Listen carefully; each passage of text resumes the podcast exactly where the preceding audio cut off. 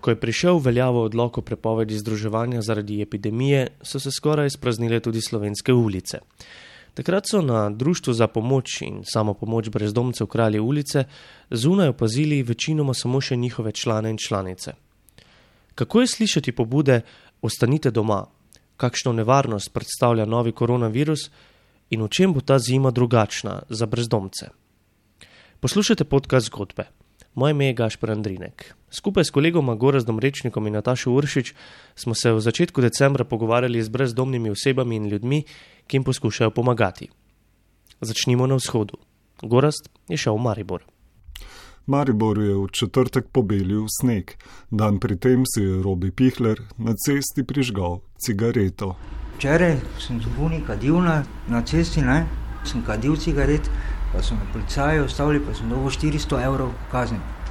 Ampak tega nikjer nisem zasledil, pa sem rekel, da bi me lahko barem prvo opozorili. Ne? Sem rekel, da tega nisem nikjer zasledil, niti ne vem, da ne smeš kaditi v Buni. No, sem dobil 400 evrov kazni. Drugače nosite maske. Ja, seveda nosim masko. Ne? Ampak sam sem bil, razumeš, doben ga nisem okrožil ali pa bilo kaj ne. Sicer ima Robi s policijo večinoma pozitivne izkušnje. Tudi vodja programa Društva Kralji ulice Maribor Jana Bedrač pravi, da policija večinoma ne preganja brezdomcev, pogosto jim celo še kaj prinese. Vse je odvisno od tega, kdo nosi uniformo. V trgovini, recimo, jaz sem enkrat evo, sem imel za žemljo, sem imel pa res, da sem klobaso. Imel, ker sem bil lačen, pa sem policaj, ko je prišel pol, ko so me, pač so me dobili, sem rekel, sem rekel varnostniku, sem rekel, lete lačen sem, to za žemljo sem imel, za klobase nisem imel, pa je pol, ko je policajka prišla, pa policaj, policajka me poznala, pa mi je ona plačala klobaso. Pač je rekla varnostnjaku, če 14 dni ni človek jedel, je rekla, kaj vas ni sram, je rekla, zato za eno klobaso ne skličete, dali bi mu pa, da bi se najedel. Pa, žalostno. Tako izkušnjo, ne, ima pa kdo kdaj slabšo, ne, ki mogoče zraven klobasa še vkrada, ne vem, sir pa kakega komarca, ne, Ja, pa ja. zelo hitro vide potem, ko so njihove prekrške in par takih manjših Par takih, tatvinic. pa gre In za ljudje pot. res to dejansko pravijo na sodišču in tudi rečejo še ena taka zadeva in slišijo v bistvu to, da bodo imeli pač kje zabiti pa zimski čas mesec, dva. Vseh privatizacij. Tako se meni je to tolokrat tako paradoks. Mislim, res pač tisto, ko čut, res si pač jezen, nemočen in se zaveš, kak je v bistvu človek ni vreden nič. Če niješ Ja. pravega primka, pravega imena, pa da nisi na pravi poziciji. Totalno tisto, izmeček zadnji. In če je Robi pred časom policistka plačala klobase, mu je zdaj policist napisal kazen za 400 evrov zaradi kajenja na cesti, ker po njegovih besedah v bližini ni bilo nikogar. Ne, ne, verjetno je zelo kazen. Ja, 400 evrov. Kaj, koliko imaš vse, časa, ja. da pridoš borove? 14 dni mislim. Osmih, ne? Ja. Pa že vprašaj me, ko na koncu, ti pa zdaj spite. Poznal me, ne? Ja, pa je rekel, si ti pa zdaj mislila. spiš, ne? Si še vedno tam, eh, tam doli, ko Si bil zadnje. To se pravi, me je mogel zanovati za mano, si se pripeljala, veš. Robi, s katerim sva se dogovorila, da se bova tikala, ne spi več tam, kjer je mislil policist. To je med porušenimi stenami v zapuščeni stavbi, ki jo bomo kmalo obiskali, saj se je pred kratkim vključil v namestitveni program Kraljev ulice. Najprej pa k epidemiji. To je samo zelo majhen delček tega, kako je Robi preživljal prvi val doma, torej na ulicah Maribora. Katastrofa, glavno. Nič dostopno, ne? Vse je zaprto, ne? Nisi imel kam iti, ne? Ljudje so dali kaj denarja, so dali kaj nožice. V cajtu krone ni šans, da si ki na žico, kakih nar tak dan. Da sem šel v pekarno, sem prosil za kruh, so mi dali, hvala Bogu. Ne. Pa kuhna, kuhna, ampak nisi mogel tam jesti, ne, ker prej si lahko noter jedel. Tako da posode nisem imel, nisem imel ki prati posode, vse je bilo zaprto, vece je javni, ne, vse je zaprto, tako da. Kam si šel na vece? Na vece se ni, ni bilo ki. Kje si se umival? umival. Praktično sem se, sem se hodil noge umivati, pa tako pri Slomškovem trgu, tam ko je pač eh, ko, Vodnjak. ko je vodnjak, ja, pa tam, tam sem tudi vodo pil, ne. Sem si nalil flašo, tako da sem tam tudi vodo pil. Ob spominu na zapuščeno stavbo, kjer je takrat preživljal noči, robi zajeclja. V bistvu mra- mr- mrzel, ampak sem bil da. Na koncu za živce, pa vsem, ne, pa bom shiran, več lačen, pa sitno, pa premražen, ne naspan. Koliko si star? 41. Vsakemu se lahko zgodi to. Prvo sem žensko se skril, smo pač jaz nek tujini delal, no, ne bi o tem zdaj. Ve, ona, kak sem prej izgledal. Jani Bedrač, za ta opis ni bilo treba seči daleč v spomin. Uh, bil je full bled, pa zunaj recimo ni bilo tako full mrzlo, no, od njega je full treslo, bil je siv, premražen, full prestrašen. Ampak ja, Na Titovi cesti stoji zapuščena stavba, ki na zunaj niti ne daje tako katastrofalnega vtisa, kot ga potem razkrije notranjost. Med surki vode iz porozne strehe, zahrtnimi luknjami v tleh in kabli, ki visijo povsod, smo se povzpeli v razpadajočo etažo. Velika luknja v steni je odpirala pogled na skoraj idilično zasneženo zunanjost.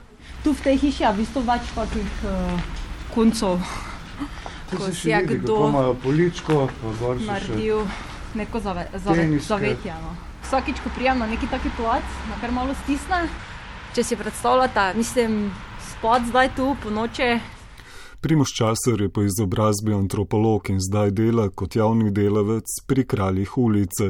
Za seboj ima številna leta na ulici, kjer je bil prisiljen razviti številne preživetvene strategije. Veliko odeje pa tega, ker ko se zarineš v posel, ko se pokriješ s štirimi spalkami, odejami, dekami, pa dihaš noter, se ogreješ. In potem, dokler ti ni treba, ne vem, lulati ali pa kaj podobnega, šele potem, ko je treba vstati, pa iti ven, je kakšne pol ure krize. Pa dokler je, o, so še javne lokali, trgovski centri ponujali možnost, si pač šel direkt izpod kovtra v ta prvi o, kafič ali pa javni WC. In potem, ko si toliko prišel k sebi, da si se malo ogrel, o, si pa lahko šel v svoj dan. Ker v taki bazi se samo spi, tam se ne preživlja dneva. Uh, Kafiči lokali so zdaj zaprti. Ja. Kaj to pomeni? Ja, da imaš dosti manj možnosti. Takih zapuščenih stavb, v katerih ljudje živijo v pogojih, ki nas kot družbo vračajo daleč nazaj v čas zgodnjega kapitalizma, je v Mariboru kar nekaj. na desni bo spet ena taka hiša, ki je kar nekaj ljudi eno živelo, dokler niso pač zabili oken dolno. In takih, mislim, takih bajt je še kar veliko. Toda za nekatere meščane je njihovo propadanje manj moteče od tega, da bi si ljudje v njih našli vsaj zasilno zavetje, pa čeprav brez vode, elektrike, kurjave. So v bistvu tam not, dokler uh, jih ne vem, ne začne preganjati tudi se policija, včasih tudi sosedje, se jim začne dogajati, da se nekdo tam not smuka. Preganjanje brezdomci dobro poznajo. Jaz mislim, da si nekdo, ki ima uh, varno streho nad glavo, uh, težko predstavlja, da se v dveh minutah obrije, celi umije in še po možnosti preobleče. Ker veliko krat uh, pač ljudje razlagali, sploh ne vem, na avtobusni postaji si zelo hitro pač preganjan, varnostnik pride in te pač vrže ven. Ne? Realnost ulice je groba daleč od imaginarijev političnih elit, ki stavijo na kaznovanje. Kje dobijo ljudje maske, pa razkočile? Pa, še nikjer nisem videl, da bi ki davali maske. Medtem ko se ob ukrepih vse čas podarja solidarnost, se pozablja na solidarnost do ljudi na samem dnu. 72-letni brezdomec je pred ustavitvijo javnega prometa vsak dan kupil karto za vlak, da je bil na toplem. On si je v bistvu dnevno karto kupoval. Se je vozil čez se je v bistvu cel dan vozil z vlakom, uh, po noči pa je hodil po Mariboru. A veste, kaj je zdaj? Ne, ne javlja se več na telefon. V letošnjem letu so se kralji ulice soočili že z osmimi smrtmi svojih uporabnikov. Uh, noben od njih pa ni bil COVID pozitiven. Uh, pri večini je bil prisoten rak uh, ali pa kakšna druga bolezen, uh, ki je bila nezdravljena in je mogoče zdaj pač toliko eskalirala, ali pa je bila oseba deležna boljšega ali pa hitrejšega zdravstvenega oskrbovanja. Uh, In glede recimo držanja ukrepov. V takih razmerah je verjetno težko ja. vse ja. držati. Ne? Ja. Ampak po naših nekakšnih izkušnjah vse ljudje držijo ukrepov in tudi vejo, kje rabijo masko, držanja, policijska ura, je pa pač za nje to še toliko težje. In so ljudje so pač premraženi. Policijska ura, naj bi bili doma. Ne? Naj bi bili doma, ja, se mi že od prvega vala nekako uh, uh, opozarjamo no, in uh, vlado uh, in vse ostale službe na ta paradoks. Stani doma velja res samo za tiste, ki domajo. Tu pa je dejansko ne samo, da se na eni strani čist izzelo ljudi, ki doma nimajo, ampak se jih je še samo dodatno potisnilo v to, da se ti zaveš, da doma nimaš in da se nimaš nikamor umakniti. V javnosti prevladuje vtis, da so brezdomci moški pogosto s težavami z alkoholizmom, to da realnost ni tako preprosta. Brez doma so tudi številne ženske, pa kvel, ki ga preživljajo, je največkrat neviden. Preden pa nas bogaš Perandrinek popeljal med brezdomce v Ljubljani, nam bosta Jana Bedrač in Primoš Časar še na kratko urisala, kakšna je razlika med življenjem na ulici v Mariboru in Ljubljani. S tem, da mreža ni razvita, da mi nimamo dnevnega centra za brezdomne, da nimamo zavetišča, ki bi bil odprtega tipa, da so v bistvu zavetišči, dve zavetišči, ki sta v mestni občini, zagotavljata v bistvu podporo uh, ljudem, ki bi po nekih podatkih mogli biti v institucionalnem varstvu. Razlika je v tem, da so v Ljubljani že pred 15 leti začeli delati na terenu. Takrat se pač pojavil cestni časopis Kralje ulice in Ljubljana uh, ponuja več takih točk, kjer si šel mimo, pa si jih srečal. Ne, recimo, eno zimo smo spali pod nadstreškom Kina Šiške, tam od zadaj, ko so stopnice za gor. Tako da v Ljubljani je brezdomstvo dosti bolj vidno, pa še sredi centra imaš dnevni center Kralje ulice. Po prepričanju kralja ulice je v Mariboru veliko več kot 500 brezdomcev, kolikor naj bi jih bilo po nekaterih ocenah. Realnih podatkov ni, največ brezdomstva je nevidnega. Še vedno poslušate podcast zgodbe. V tej epizodi poskušamo vse približno urisati trenutne razmere za brezdomne osebe na slovenskih ulicah. Gorast je po Mariboru obiskal še Ptuj. Ptujska kamera je zavetišče odprtega tipa z desetimi posteljami, kjer je tudi dnevni center za brezdomce. Deluje od leta 2018. Prej se problema ni prepoznavalo, na to pa so se v dveh letih srečali s 84 vidno brezdomnimi osebami. Z epidemijo se je njihova izoliranost samo še povečala pri uporabnikih povzroča občutek osamljenosti, te samosti. Sploh tisti uporabniki, ki so bili navajeni vsakodnevnega stika z nami, fizičnega, da smo se videli, da smo kar nekaj ur preživeli skupaj, jim je to povzročilo velike stiske. Mi smo jim bili pač v prvem valu mogoče bolj prestrašeni kot zdaj, kaj se dogaja, ko sami nismo vedeli, kako. In smo bili takrat več na razpolago preko telefona ali pa res fizično na neki razdalji. Največje stiske so ravno v tem, ker pač nimajo dostop do ne da nimajo, vse posod je omejen vstop in ta omejenost nas na neki točki pač prizadene, omejuje, počutimo se mogoče tudi razvrednotenega, sploh z vidika kakih sporočil, uh, ko prejemamo občutek ali pa dojamemo, da, da nismo odgovorni in se trudiš po svojih močeh in to potem stopnjuje neke čustvene stiske in potem, ko prihaja dansko do kakih zapletov na njihovi eh, individualnih osebnih ravneh, to dosti teže pač mogoče predeljujejo kot prej. Čeprav naj bi bilo zavetišče namenjeno zavetju za krajši čas, je naslednji sogovornik v kamri že dal časa.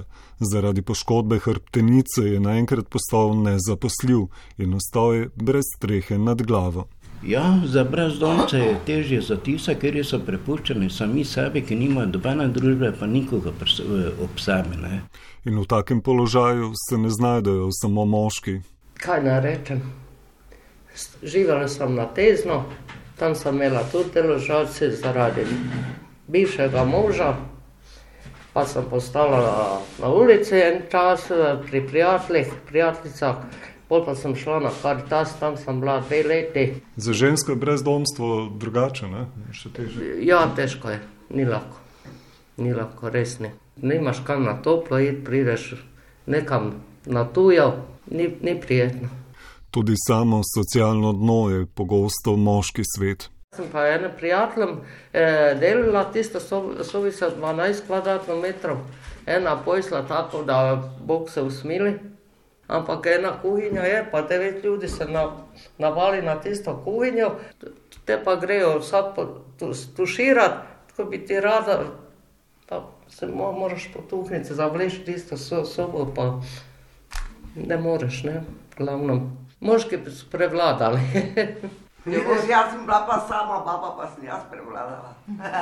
ja, mi smo enaki, majda. Rozika Pohol je v življenju upravljala številne dele. Zdaj se je za cilj zadala, da bo kmalo začela prodajati časopis. Jana Bedrač iz Mariborskih kraljev ulice opozarja, da so brezdomke še posebej ranljive. Dosti krat so žrtev zlorab različnih, ne vem, tako imenovanih prijateljev, ki jih ne vem, izsiljujejo za to, da se ne vem, ti lahko uporabiš tuš ali pa dve, tri nočitve pred meni prespiš. In glede na to, da je trg um, tako izropan in ni nekih stanovanj, ki bi bila dostopna ljudem, ki imajo nizke dohodke, si seveda to lahko privoščijo in ti si res brezupen. In na drugi strani je ta ženska populacija, ki je bistveno še bolj ranljiva. Ne? Ker veliko krat so ženske bolj prisiljene uh, prodajati vem, svoje telo, neka spolna usluga, zato da si zagotovijo nočitev, streho nad glavo. Uh, po drugi strani pa smo vseeno, ne, uh, veliko krat ženske, sploh ženske, ki so matere uh, ali pa ki ne, uh, če je že partner, ne vem, je zapustil, dolgo zmoremo dlje časa vztrajati v nekih takih slabih odnosih. In hkrati o tem se sploh ne govori, na vides je sploh vedno pač ta, ta lik, ne, moški brezdomec, ne vem, star 50, odvisnik od alkohola. Se mi zdi, to je nek tak stereotipno, če delati, ne? pač to v zadju pa so res čist druga zgodba. No. Majda Celan je imela dva lokala, potem pa je doživela prometno nesrečo. Šest mesecev je bila v komi, prebudila pa se je v svet, ki jo je pripeljal do brezdomstva.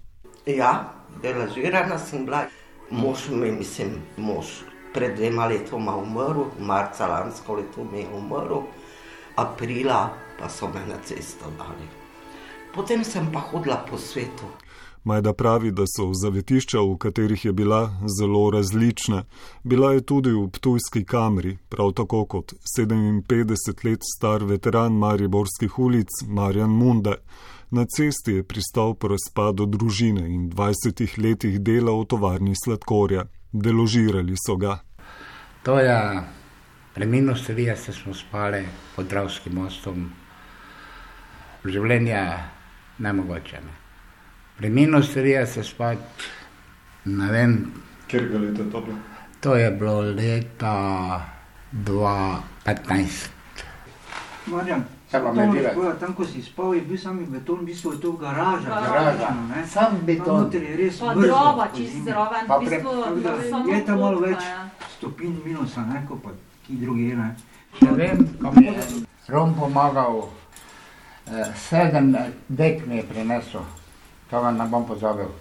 Rekel, sedmimi dekami je bil pokrit, je rekel, čelado na glavi je rekel, se pa čelado. To je res žalostno, ne, smešno. Kaj smo preživeli? Življenje na ulici, to je težko in težko in težko. Ali mora človek biti močan, strajati, Amadeja Kokot iz Ptujske kamere je pripričana, da je zavetišč povsod premalo, ne samo v večjih mestih. Sama, glede na to, v kakšni situaciji smo se znašli tukaj na Ptuju in v spodnjem podravju, kjer občine enostavno pač večina občin niso prepoznale brezdomstva kot neke problematike. A, to pomeni, da na podeželju ni brezdomstva. Seveda so, seveda so uh, in se zadeva ne usmerja, ampak se pušča. Tako da še enkrat eh, bi mogoče tu nagovorila res vsakega posameznika, posameznico, da so pozorni v svoji občini na posameznike, ki živijo v res uh, neprimernih razmerah, da pričnejo pritiskati na svetnike, na občine, kajti iz majhnosti se more širiti na vzgor v smislu odločanja. Ne? Se pravi, ko bo začela lokalna skupnost pritiskati um, na državno raven, da se ta zadeva, stanovanska problematika, ki, eh, tematika in politika, ki je praktično ni v Sloveniji, ko se bo to začelo urejati v smeri, da se bodo zagotavljale nastanitve, bivalne enote, ko bodo se sprostile prazne stavbe in omogočala stanovanja, ki so sedaj v neprimernih razmerah, ko bo politika se pravi začela razmišljati, da treba najprej nekaj vložiti, da boš lahko dobo nazaj, takrat se bo eh, šele začela pač verjetno zadeva eh, razvijati v, v pravo smer, ki bo vodila do tega, da bi lahko odpravili brezdomstvo, kot jo je odpravila Finska.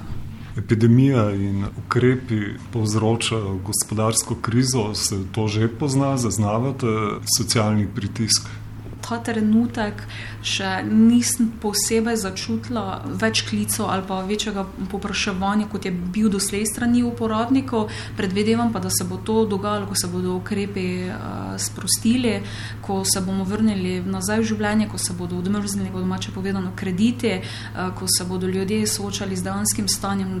Po mojem, bomo šele takrat začutili, kaj smo v bistvu naredili z načinom uh, podajanja ukrepov, uh, ki smo se jih pač uh, lotevali dalje. V Mariboru ta pritisk že zaznavajo. Deložacije so sicer zamrznjene, a ljudje kljub temu domov dobivajo sodne sklepe. Dobiš nek sklep sodišča, ki je zelo negativen in se sploh neš na koga obrne. Se pravi, ko bo konec uh, ukrepov, lahko se pričakuje en val uh, deložacij. Definitivno. V Mariboru sta obe zavetišči polni in ne sprejemata novih brezdomcev večina ljudi, ki je recimo v Karitasovem zavetišču, vsaj po nekako mojih informacijah, ima res resne zdravstvene težave in tudi v bistvu v zavetišču centra za socialno delo in bi v bistvu rabili uh, še kako drugo podporo. No. Tako da po eni strani je to dobro, da je tudi zavetišče Karitas se preoblikovalo, ampak to pa pač pomeni, da nekdo, ki se zdaj znajde v stiske ali pa da brez. Uh, možnosti noč, nekje pač preživeti noč, uh, nima kamitno in mi res dobivamo, uh, vsaj na tedenski ravni, klic, če imamo kako prosto sobo. Ljudje, ki pomagajo brezdomcem, se v obstoječem sistemu pogosto znajdejo pred primeri, za katere se zdi, da ni nobene prave rešitve in dosti krat pač ti nimaš kaj za ponuditi. Mi nimamo finančnega zaledja, jaz nimam sobe, trenutno proste, ko bi lahko pač človeka namestilo. In se tudi mi dosti krat pač soočamo z nekimi lastnimi moralnimi zadržki, kaj sploh delamo. A, to, a, a ima to sploh kak smisel, ampak pač po drugi strani pa ja, ker ljudje rabijo točno to, da grejo iz te cone, tako da se dan omenjajo te nevidnosti, da jim samo nekdo reče, no, zdravo, kak si, se to je v končni fazi človek, ki ima ista potreba kot vsi mi pač potrebo po čustveni plati, potem da te nekdo govori. In mogoče je tudi to vzrok ali pa razlog, zakaj ni COVID-a med ljudmi, ki so brezdomni. Trenutna situacija bo število teh ljudi žal samo še povečala. To je bil Gora Strečnik. Poslušajte podkaz zgodbe. V Novi Gorici je okrog 20 brezdomcev, ki prihajajo iz različnih delov severno-primorske regije. Za nje s pomočjo države in občin v regiji skrbi nevladna organizacija Šent. V skupnostnem centru, ki je skoraj da v središču Nove Gorice, imajo na voljo le prenočišče, ki ga trenutno prenavljajo. Prostora, kjer bi se lahko zadrževali čez dan, nimajo, zato so prepuščeni ulici. Kako brezdomci preživljajo zimske dneve in kaj si želijo v prihodnjem letu, jih je vprašala Nataša Uršič. Zavetišče na Bidovčevi ulici, ki je novogoričanom poznano kot nekdani samski dom delavcev Primorja, sprejme 12 brezdomcev. Trenutno ga prenavljajo, po prenovi bo v njem našlo zavetje 20 ljudi. Poleg sob, kuhinje in kopalnic bodo dobili tudi jedilnico, nam razlaga vodja zavetišča Vesna Lipušček iz Združenja Šent. Zavetišče za brezdomce tukaj v Novi Gorici deluje samo v nočnih urah. Čez dan imajo možnost se med delovnim tednom se umakniti v dnevni center za odvisnik od prepovedanih drog, tako da vsaj del dneva so lahko na toplem. Ampak zahvaljujoč tudi raznim dobrodelnežem, eh, so nam zdaj napledle ženske, naprimer iz kanala, so nam napledle kape, šale, tudi nekaj oblačil. Dobivamo, stalno dobivamo ponudbe, da nam pomagajo, prispevajo s toplimi oblačili, tako da nekako uh, smo zelo veseli in hvaležni, da tudi um, nas je javnost sprejela in nekako podpira ta naš program, oziroma se zavedajo, kakšna stiska je sedaj po zimi biti zunaj na mrazu. Trenutno vaše zavetišče, skoraj da v središču Nove Gorice, prenavljajo. Dobili boste lepše, večje, bolj urejene prostore. Koliko brezdomcev bo, ko bo končana prenova, lahko tukaj potem prespalo? Ja, sedaj nudimo možnost, da tukaj prispijo v naših prostorih 12 brezdomcev. Kasneje smo v dogovoru z mestno občino, nekako načrtujemo, da bi imeli možnost, da prespi 20 brezdomcev. Zdaj nekako v dogovoru z mestno občino Nova Gorica nas tudi nekako kar podpirajo, da bi imeli tudi s časoma eh, celodnevno obliko bivanja. Tudi bivanske enote, vendar, kot sem že rekla, to je vse v načrtih. Sigurno v letu 2021 to še ne bomo mogli doseči. Najprej moramo iti v nove, lepe, prenovljene prostore, ponuditi možnost večjemu številu brezdomnih, kasneje pa širiti v program. Imamo načrte celodnevnega, bivanske enote, pa tudi, da bi ponudili ene oblike možnosti zaposlovanja brezdomnim posameznikom. Ker je prostora za spanje v prvem valu epidemije v skupnostnem centru primankovalo in je zaradi njihovega načina življenja obstajala večja verjetnost okužb, je mestna občina Nova Gorica namestila dva bivalnika. V njem lahko prenočuje in se tudi čez dan zadržuje šest brezdomcev.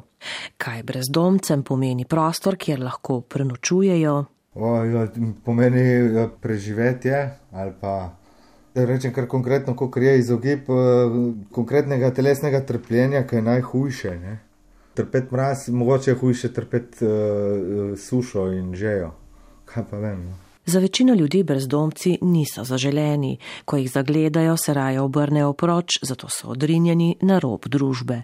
Za njihovimi obrazi pa se skrivajo zgodbe, ki so večinoma povezane s težavami v družini, sta nam povedala brezdomca iz Nove Gorice in okolice, ko smo jo vprašali, zakaj sta pristala na ulici. Zaradi nasilja v družini, ki pa je, kot bi lahko nekako obrnil oziroma kot je najbrž tudi sama resnica, nekako, da eh, staršem otroci vračajo tam, kjer so jih starši naokrog mal prenašali.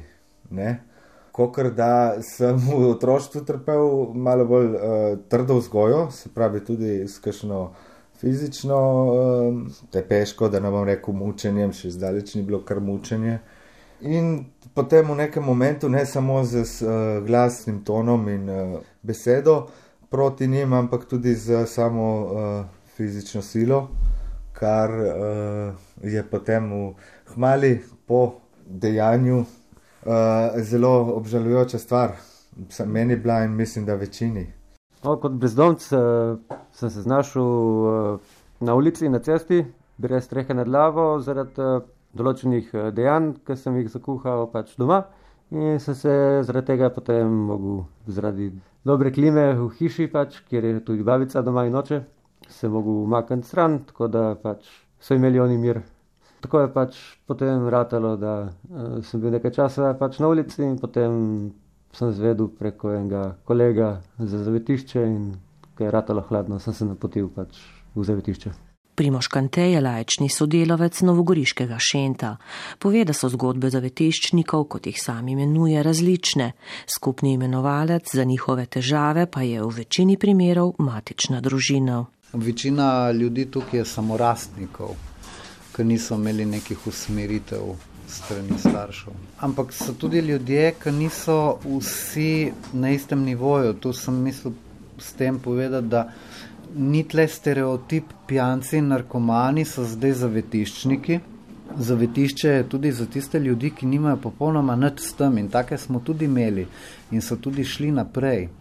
In še eno stvar bi poudaril, da nekateri ljudje bojo vedno rabili zavetišče in ne bojo se spremenili. Ljudje imajo ful ta stereotip, da zavetišče je prostor, kjer mi spreminjamo te ljudi. To ni res. Zavetišče je prostor, kamor pridejo ljudje po zatočišče, ne nekam, kjer se jih bo silo k nekim spremembam. In mi smo jih dolžni v bistvu sprejeti take, kot so. In če nekdo želi in kaže interes, da bi rad naredil korake, se ga pa podpre. In to je tisto, kar ta program v bistvu omogoča z razliko nekaterih drugih, ki so samo zato, da se odklene vrata in zjutraj zaklene. Ne. S kakšnimi stiskami, pa tudi sanjami, no, načrti za prihodnost se ukvarjajo v teh decembrskih dneh, recimo brezdomci, ki so trenutno v vašem zavetišču? Ja, definitivno je tako. Sedaj v tej COVID situaciji so še bolj potisnjeni na ropa. Kjerkoli se pojavijo, so nekako, bi temu lahko rekla, odveč. Ravno zato ne, je zelo pomembno, kako jih sedaj sprejemamo. Tudi v tem času veseli so. Imamo družino iz Dolenje Trebuše, ki nam vsako leto med prazniki prenese poln koš dobrot. Pojavljajo se različne dobrodelne organizacije in posamezniki, ki pomislijo na nas in nam prenesijo. To je nekako vse obliž na to njihovo težko situacijo. Kaj ti? Moramo se zavedati tega, nobeden ni prostovoljno v situaciji, kakršni je. Znašli so se pač tekom okoliščin in sedaj nekako si probajo pomagati, ko vejo in znajo. Ko tako ob koncu leta poslušamo decembrske želje večine ljudi, so le te povezane z družino, zdravjem, toplim domačim ogniščem. Brezdomcem je zato božično novoletni čas zagotovo najtežji del leta. Kakšne pa so njihove želje? Od poletja, da bi nekako se toliko dvignil, dobil neko zaposlitev, ki bi mi omogočala iti uh, samostojno v najem ne pa tako nekam polovično, ko je zleta vredno, da imamo noči in uh, poslo na toplem, vendar uh, tudi še eno rudarstvo, da moraš čez dan biti pod streho od uh, trgovinc ali pa od uh, občin, uh, od kioskov. Ja, pač rudarstvo v tem, da se iščeš. No.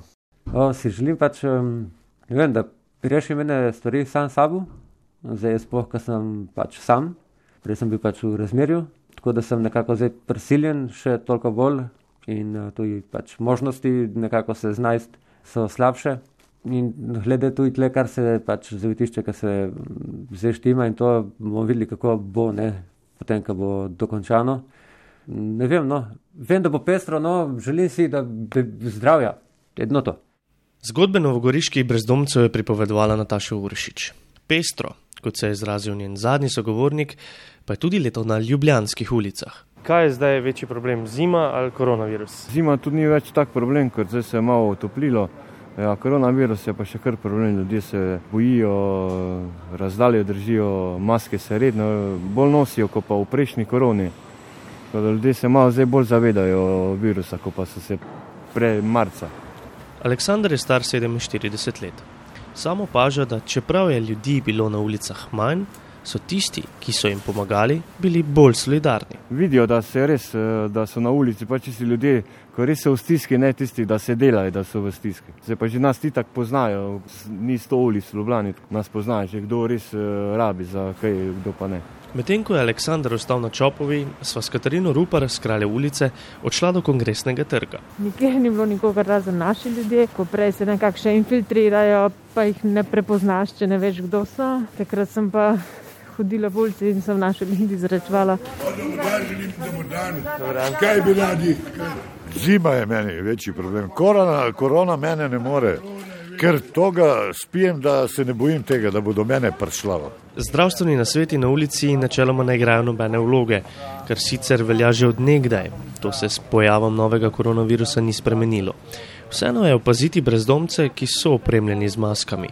46-letni Ivan, ki je skupaj na ulici preživel že več kot 8 let, tako kot ostali, opaža še večjo odmaknjenost mimoidočih. Ja, bojijo se pa zelo redki so po ulicah, ki bi bil na vasi, ne v centru Ljubljane. E, Malo ljudi je pa še te se bojijo, pa moraš maske imeti gor, pa tudi oni, pa čeprav imaš masko, se, jih je več ali manj strah, ti ker dajo na stran, pa nočejo stiku imeti sploh. Stik pa je pri brezdomcih ključnega pomena. No, za brezdomne osebe je situacija ta zima, no, mogoče uh, na nek način takšna kot vse. Zdaj, za brezdomne osebe se je v tem času spremenilo ni veliko, dosti, no, ni dosti, zato ker ljudje še vedno rabijo doma. Ne. Tako vedno je to vprašanje, uh, kaj pa zdaj potrebujejo, pa kaj bi bilo zdaj dobro. Ljudje potrebujejo varen dom, ljudje potrebujejo. Varen prostor, kjer bo lahko upoštevali ta tako imenovani hashtag Ostani doma, ki smo ga v prvem valu. Jaz prosim, če se mi lahko predstavite, pa kje smo v bistvu? Uh, jaz sem Hanna Koša, Zaposlena sem na društvu Kralji ulice, zdaj tukaj le stojima pred našim dnevnim centrom. Hanna Košan je tudi strokovna vodja programa preprečevanja deložacij pri Kraljih ulice v Ljubljani.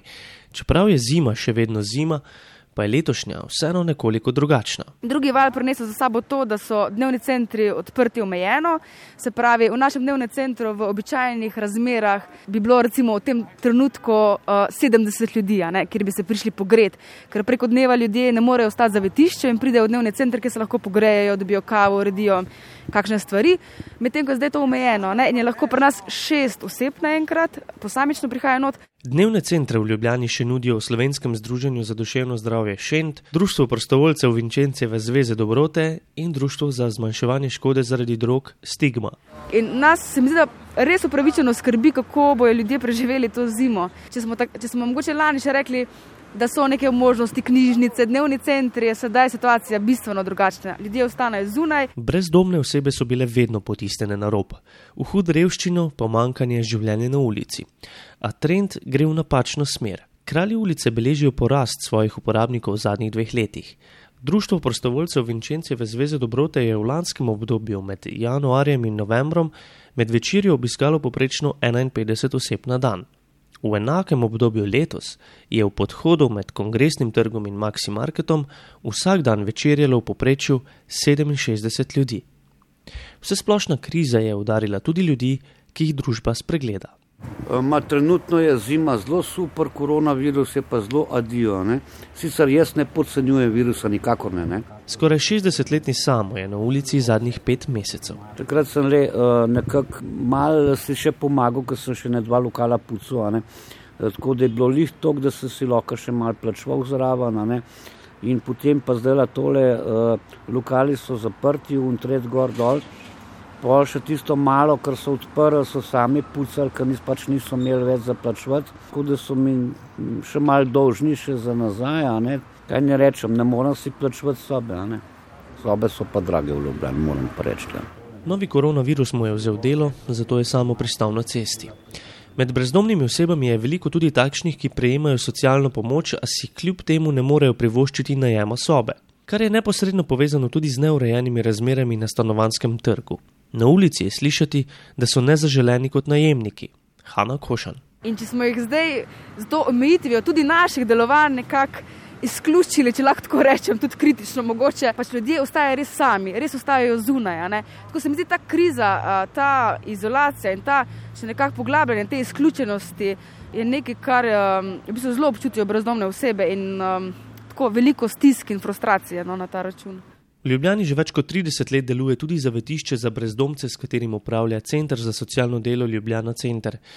Trenutno je zaradi epidemije na voljo 8 ležišč, ki so brezdomcem na voljo brezplačno. V tako imenovanih normalnih časih jih sprejmejo 18, nudijo pa tudi do 24 nastanitev prejemnikom socialne pomoči. Socialna delovka Mateja Pišorn je razložila, da uporabnikom tega dela zavetišča prejemnikom socialne pomoči za 24-urno uporabo zavetišča, dva obroka dnevno ter uporabo kopalnice od 408 evrov, kolikor znaša socialna pomoč, odštejejo 140 evrov.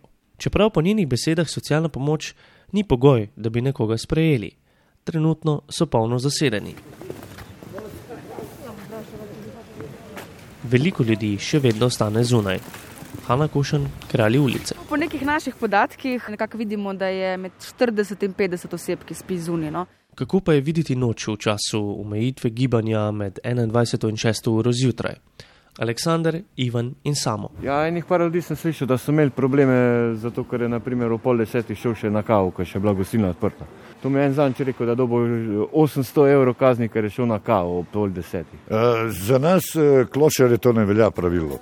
Mi se lahko zunaj zadržujemo, če nimamo kje biti pač. Smo lahko na klopcah, po 9 uri, kam? Jaz sem rekel, ne me peljejo na trdino, pa vjutro peti ne me zbudijo, pa bom šel ven, bom vse na toplem spal. Policajo pa tole moram reči, policaji so zredno korektni do mene, uh, nobeden noče nič ne. Ja, in zdaj je v bistvu ta policijska ura, ko se je v bistvu začelo govoriti o tej policijski uri, če lahko rečem, vem, da se ne reče policijska ura, ampak si naši uporabniki in uporabnice govorijo tako, ker se tako tudi počutijo. No? Je bilo tako zelo velik strah, kaj je zdaj še, kam bom pa res šel. Re, pač ljudje res niso imeli kam iti, kam bojo pa zdaj se še skrili pred to policijsko uro. Policisti po njihovih opažanjih največkrat opozarjajo, predvsem pa legitimirajo. Policija je skoraj da na vsakem koraku, ne, ker pač nadzoruje ukrepe. In brezdomne osebe so še bolj na udaru, da so vsakodnevno legitimirane. Vsakodnevno morajo ljudje pokazati svoje dokumente. In uh, jaz si lahko predstavljam, če bi mene vsakodnevno nekdo preverjal, kdo sem, kaj sem, v kateri občini živim, kje imam nastane naslov, kdo sem, se mi zdi včasih uh, razumljivo, no? Mislim, tako zelo človeško, da ljudje uh, so frustrirani zaradi tega. Društvo Kralji ulice je znano tudi po svojem časopisu, ki ga pripravljajo in prodajajo njihovi člani in članice. Spomladi so zaradi epidemije za nekaj čas ustavili prodajo.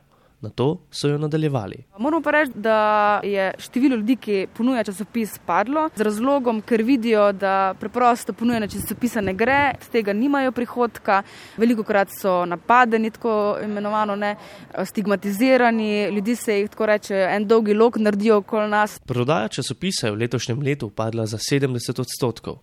Letos decembra bodo imeli najnižjo naklado v zadnjih desetih letih pozivamo javnost, da se časopis lahko kupi na nek varen način, eh, da tudi naše člane in članice smo nekako opremili vsemi um, ukrepi, kako to izvajati na varen način, ker marsikomu v bistvu ravno ta časopis predstavlja edini ver prihodka, ki ga ljudje imajo. Nekateri ljudje si iz tega plačujejo sobo. Mogoče bo na ta način nazaj do svoje sobe prišel tudi samo. Pa drugač pa kaj ne rečem, vse decembra, ne, ljudje so mogoče mečkim bolj čustveni, pa praznični, ker bi bili, kaj pa vem, druge mesece. Društvo za pomoč in samo pomoč brezdomcev Kralji ulice ima v letošnjem letu 686 uporabnikov. Med člani in članicami društva so za zdaj potrdili štiri primere COVID-19, od teh sta dva umrla. Pri obeh so smrti botrovale pridružene bolezni in zdravstvene težave, nekatere od njih tudi kot posledica dolgotrajnega življenja na ulici.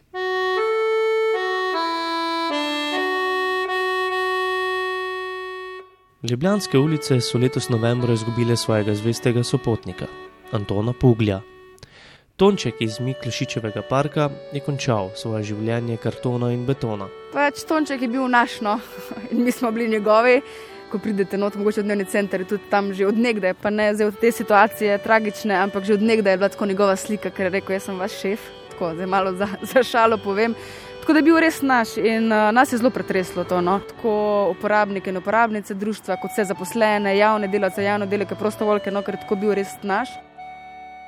Kralje ulice mu v Miklošičevem parku želijo postaviti obeležje. Na nek način se mogoče sliši tragično, da bi v parku postavili spomenik uh, nekomu, ki je 30 let plus. Uh, imel 30 let kartona in betona, kot je on poimenoval, ampak se mi zdi, da je to nekako lahko v nek lep spomin njemu, pa konec koncev v neko pomin, očitno, da nismo uspeli nekoga tako podpreti, da je v bistvu skoraj polovico svojega življenja preživel na cesti.